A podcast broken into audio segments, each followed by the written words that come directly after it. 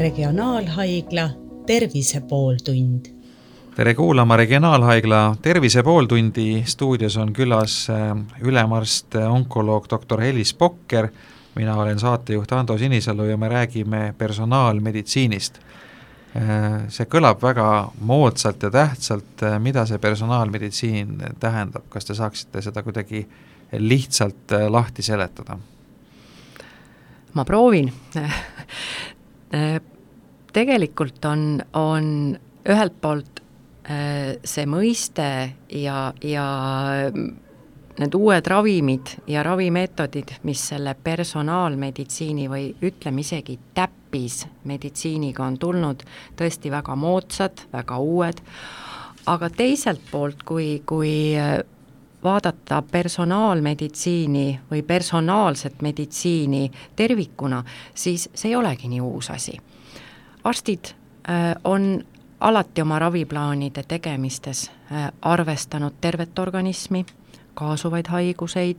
äh, ravimeid, minde, mida nende puhul võetakse, lisaks sellele haigusele, mida ravima hakatakse, et igale patsiendile on lähenetud ka aastakümneid personaalselt. Et nüüd on pigem muutunud see, et me oleme teadusest saanud ravimid, mis suudavad mõjutada väga väikseid molekulaarseid või geneetilisi sihtmärke. Ja meil on olemas markerid, mis annavad, eh, kui me täna räägime kasvajatest konkreetselt, kasvajakoest teada, kas see konkreetne kasvajarakk võiks olla tundlik ühele või teisele ravimile. seega me saame väga täpselt sihtida väga täpse ravimiga. see on tänapäeva mõistes personaal või täppismeditsiin või täppisonkoloogia ravimite mõistes, et kui keemiliselt sünteesitud ravimid on kasutusel olnud no üle saja kahekümne aasta, siis kolmekümne aasta või sutsu rohkem kui kolmkümmend aastat on toodetud ja avastatud valkudel põhinevad äh, nii-öelda elusrakkudes toodetud ravimid ehk bioloogilised ravimid.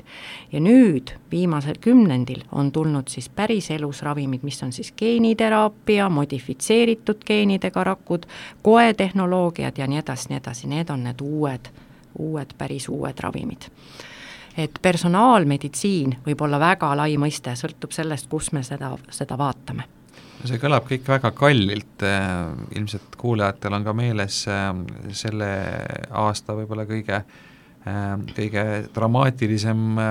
heategevusaktsioon, kui korjati raha väikese Annabeli toetuseks, et ta, ta saaks Ameerikas geeniravi. ja see summa oli ju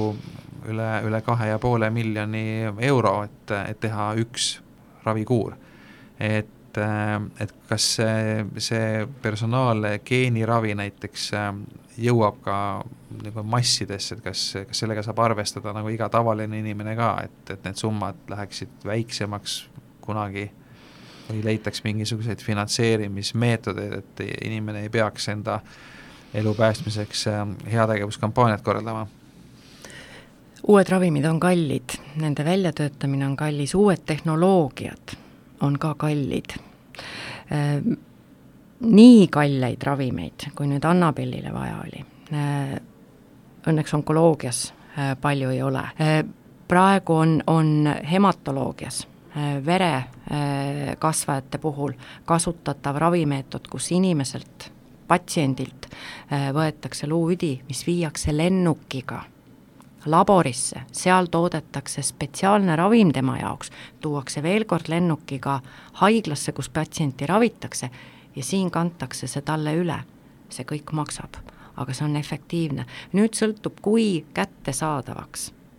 muutub tehnoloogia, et äkki seda meetodit on võimalik välja, ütleme, rakendada Eestis, siis see läheb odavamaks et sellele vastust ei ole, aga meditsiin, äh, onkoloogia, äh, ravimite onkoloogia areneb meeletu kiirusega, äh, viimasel kümnendil tõesti meeletu kiirusega.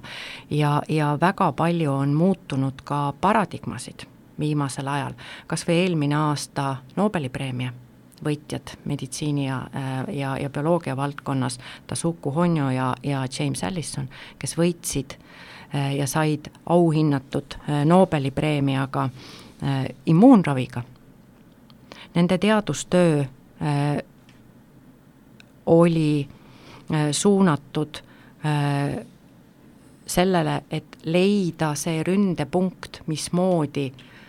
organismi enda immuunsüsteem hakkaks ära tundma kasvajarakku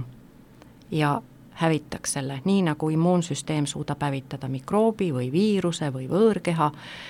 ja nad leidsid äh, T-rakkude ehk ühe immuunsüsteemi rakkude aktiviseerimisrajal negatiivsed kontrollpunktid. Need on sellised punktid, kus organism kontrollib, kas immuunsüsteemi poolt rünnatav rakk on oma või võõras. aga kasvajarakk on kaval, kasvajarakk suudab ennast teha meie immuunsüsteemile märkamatuks. ja nüüd, kui seda kontrollpunkti mõjutada ravimiga, ehk see pidur maha võtta, siis patsiendi enda immuunsüsteem ründab kasvajarakku ja hävitab selle. seni on ravimid rünnanud kasvajaraku ennast, et siin on täielik paradigma muutus. ja, ja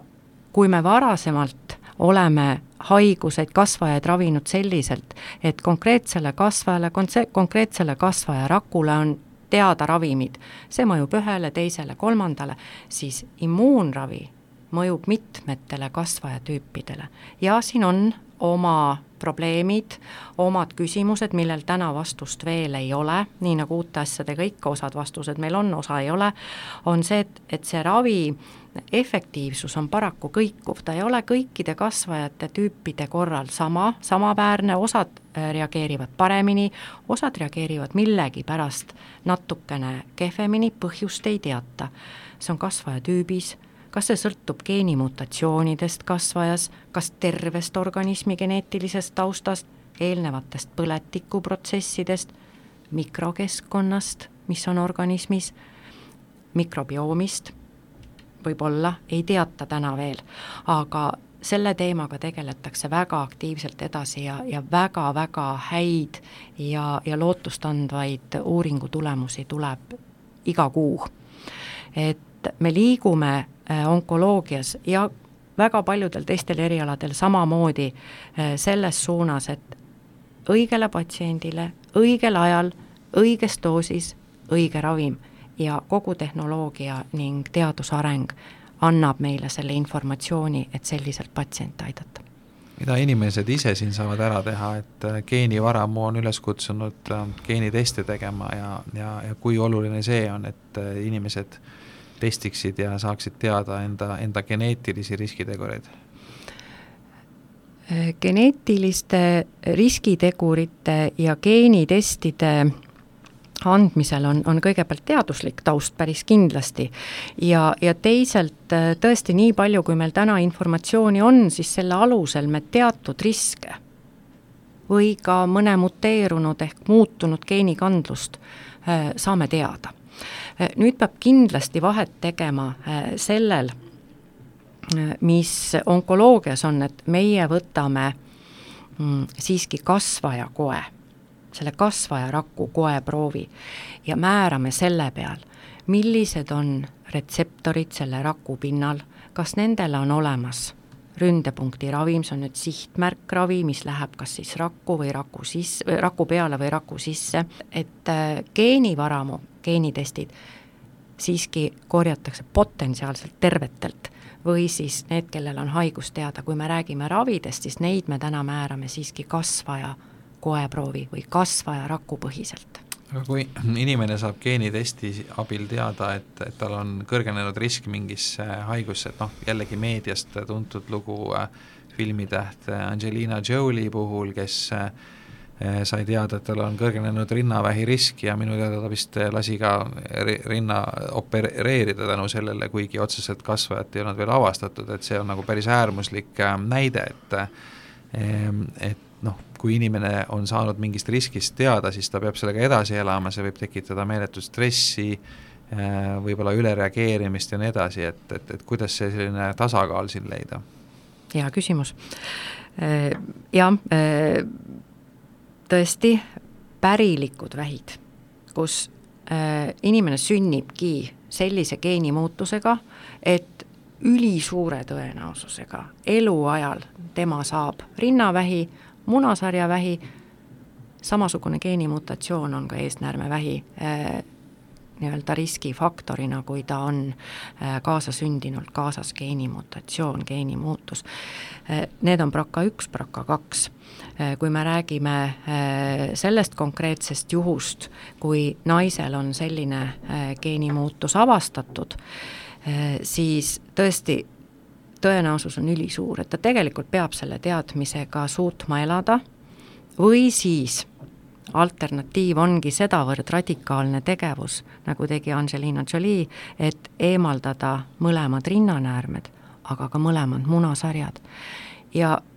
mida peab selle juures teadma, on see, et see ei välista selle haiguse teket sada protsenti, sest rinnanäärmevähk võib tekkida kaenla alla, munasarjavähk võib tekkida kõhuõõnde Äh, kõhukelme peale, aga ta selgelt muidugi riski vähendab. et see on väga-väga raske otsus, kõigepealt need riskid endale, kas ma tahan neid teada või et ma ei tea neid, aga ma elan tervislikult, ma hoolin endast, ma jälgin kõike, et, et ma püsiksin võimalikult kaua terve, äh, või teine variant on see, et ma siiski tahan teada ja, ja ma pean teadma ka, mis on siis valikud, kui mul osutub selline geenikandlus. Aga kui äh, palju inimese üldine äh, seisund, ehk et kui inimene on, äh, elab tervislikku elu, on ta väldib stressi, on positiivselt meelestatud ja, ja, ja nii edasi, toitub korralikult kui palju see nagu selline üldseisund aitab tegelikult kas siis ära hoida või edasi lükata näiteks äh, vähihaiguse teket? kui on tegemist päriliku vormiga, millest me just eelnevalt rääkisime, siis ta ära hoida ei, ei võimalda.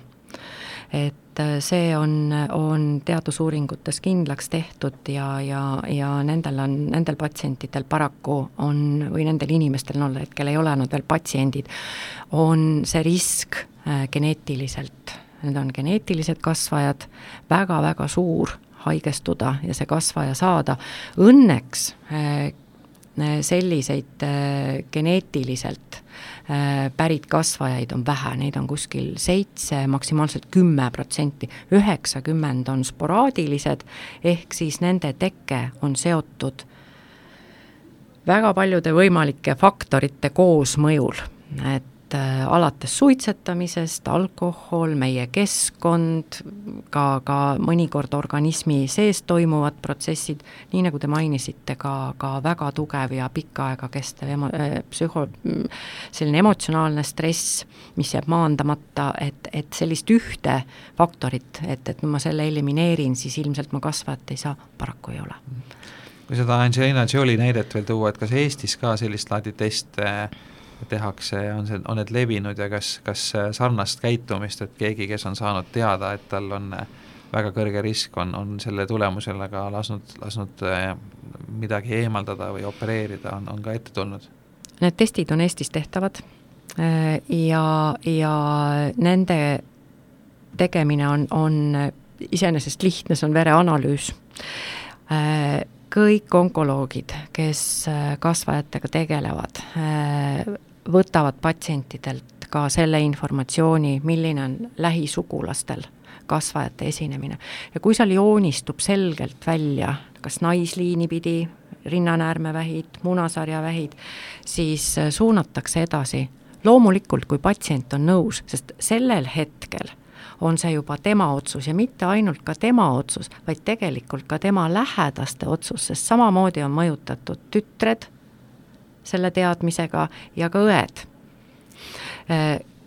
meditsiinigeneetiku juurde, kus siis veel kord kaalutakse selle, selle riski tõenäosust ja, ja kaalutakse ka selle proovi tegemist, et kas me määrame seda. Ja kas me määrame äh, ainult patsiendil või ka tema lähisugulastel et ega, ega ka see, see geeni geeni mutatsioon ja muutus, mis selle päriliku vähiga kaasas käib, ei avaldu mitte kõigil, et, et see on ikkagi, võib olla ainult osadel äh, lähisugulastest ja teistel ei ole. Et siin on jällegi see valik, et kas, kas hingerahu või, või teadmine, kumba, kumba eelistada. Jah, ja tegelikult on see äh, patsiendiga koos arutamise teema ja patsiendi vaba otsus, millist teed pidi tema läheb. on küll ja veel patsiente, kes ütlevad, ma ei soovi teada. kui nüüd rääkida veel personaalmeditsiinist, siis äh, mida see tavalisele inimesele, tavalisele patsiendile täna tähendab, et, äh, et äh, kuidas see teda mõjutab kõige rohkem? onkoloogia valdkonnas personaalmeditsiin on meie igapäevane kliiniline praktika juba päris mitmeid aastaid. ja kõik algab kasvaja koeproovist. erinevatel paikmetel, erinevatel kasvaja paikmetel, need on need, kust see kasvaja algus on saanud, on erinevad molekulaargeneetilised markerid, mida me juba täna saame määrata ja määramegi kõikidest koeproovidest, kui sellele markerile on olemas konkreetselt ravim mis talle sobib. väga hea näide on kopsuvähk, kus on üsna mitmeid erinevaid retseptoreid, mida me koeproovis määrame ja nendele retseptoritele on olemas ka konkreetsed ravimid juba sihtmärgistatult, mis on suutelised minema kas raku sisse ja seal mõjutama protsesse, et see rakk ei paljuneks või ta ei toodaks endale äh, lisaverevarustust, mis kasvaja oma arenguks alati vajab. ja kõigepealt on, on selliselt mm, selekteerides on ravi efektiivsem sest me teame, et see toimib väga suure tõenäosusega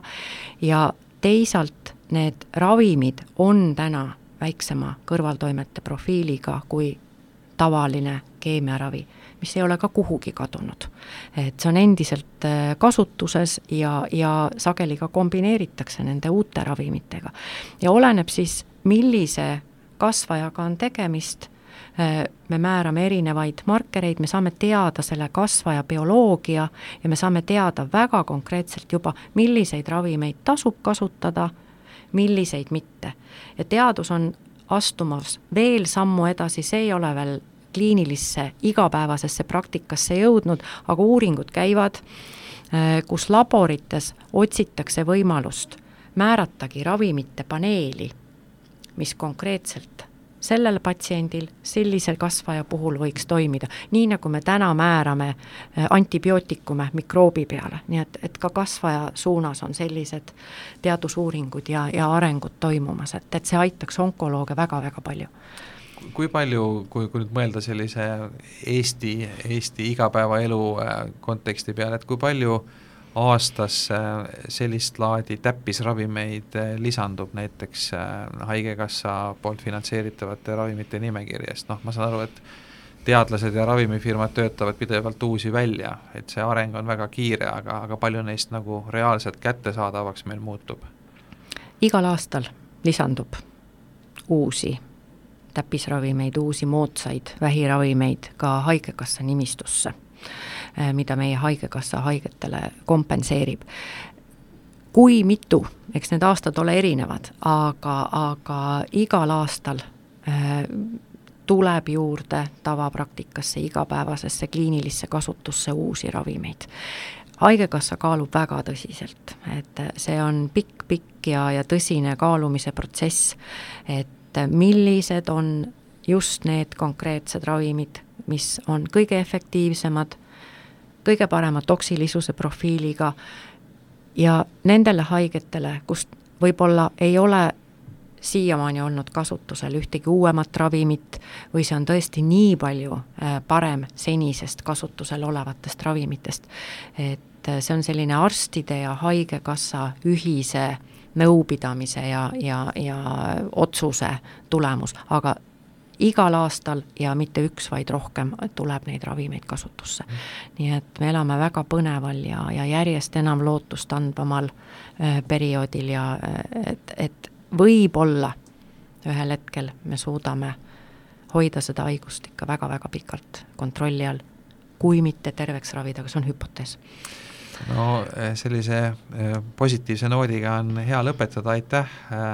regionaalhaigla ülemarst, onkoloog doktor Helis Pokker meiega oma mõtteid jagamast,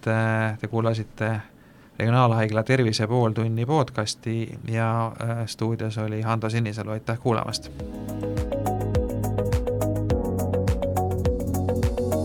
regionaalhaigla Tervise pooltund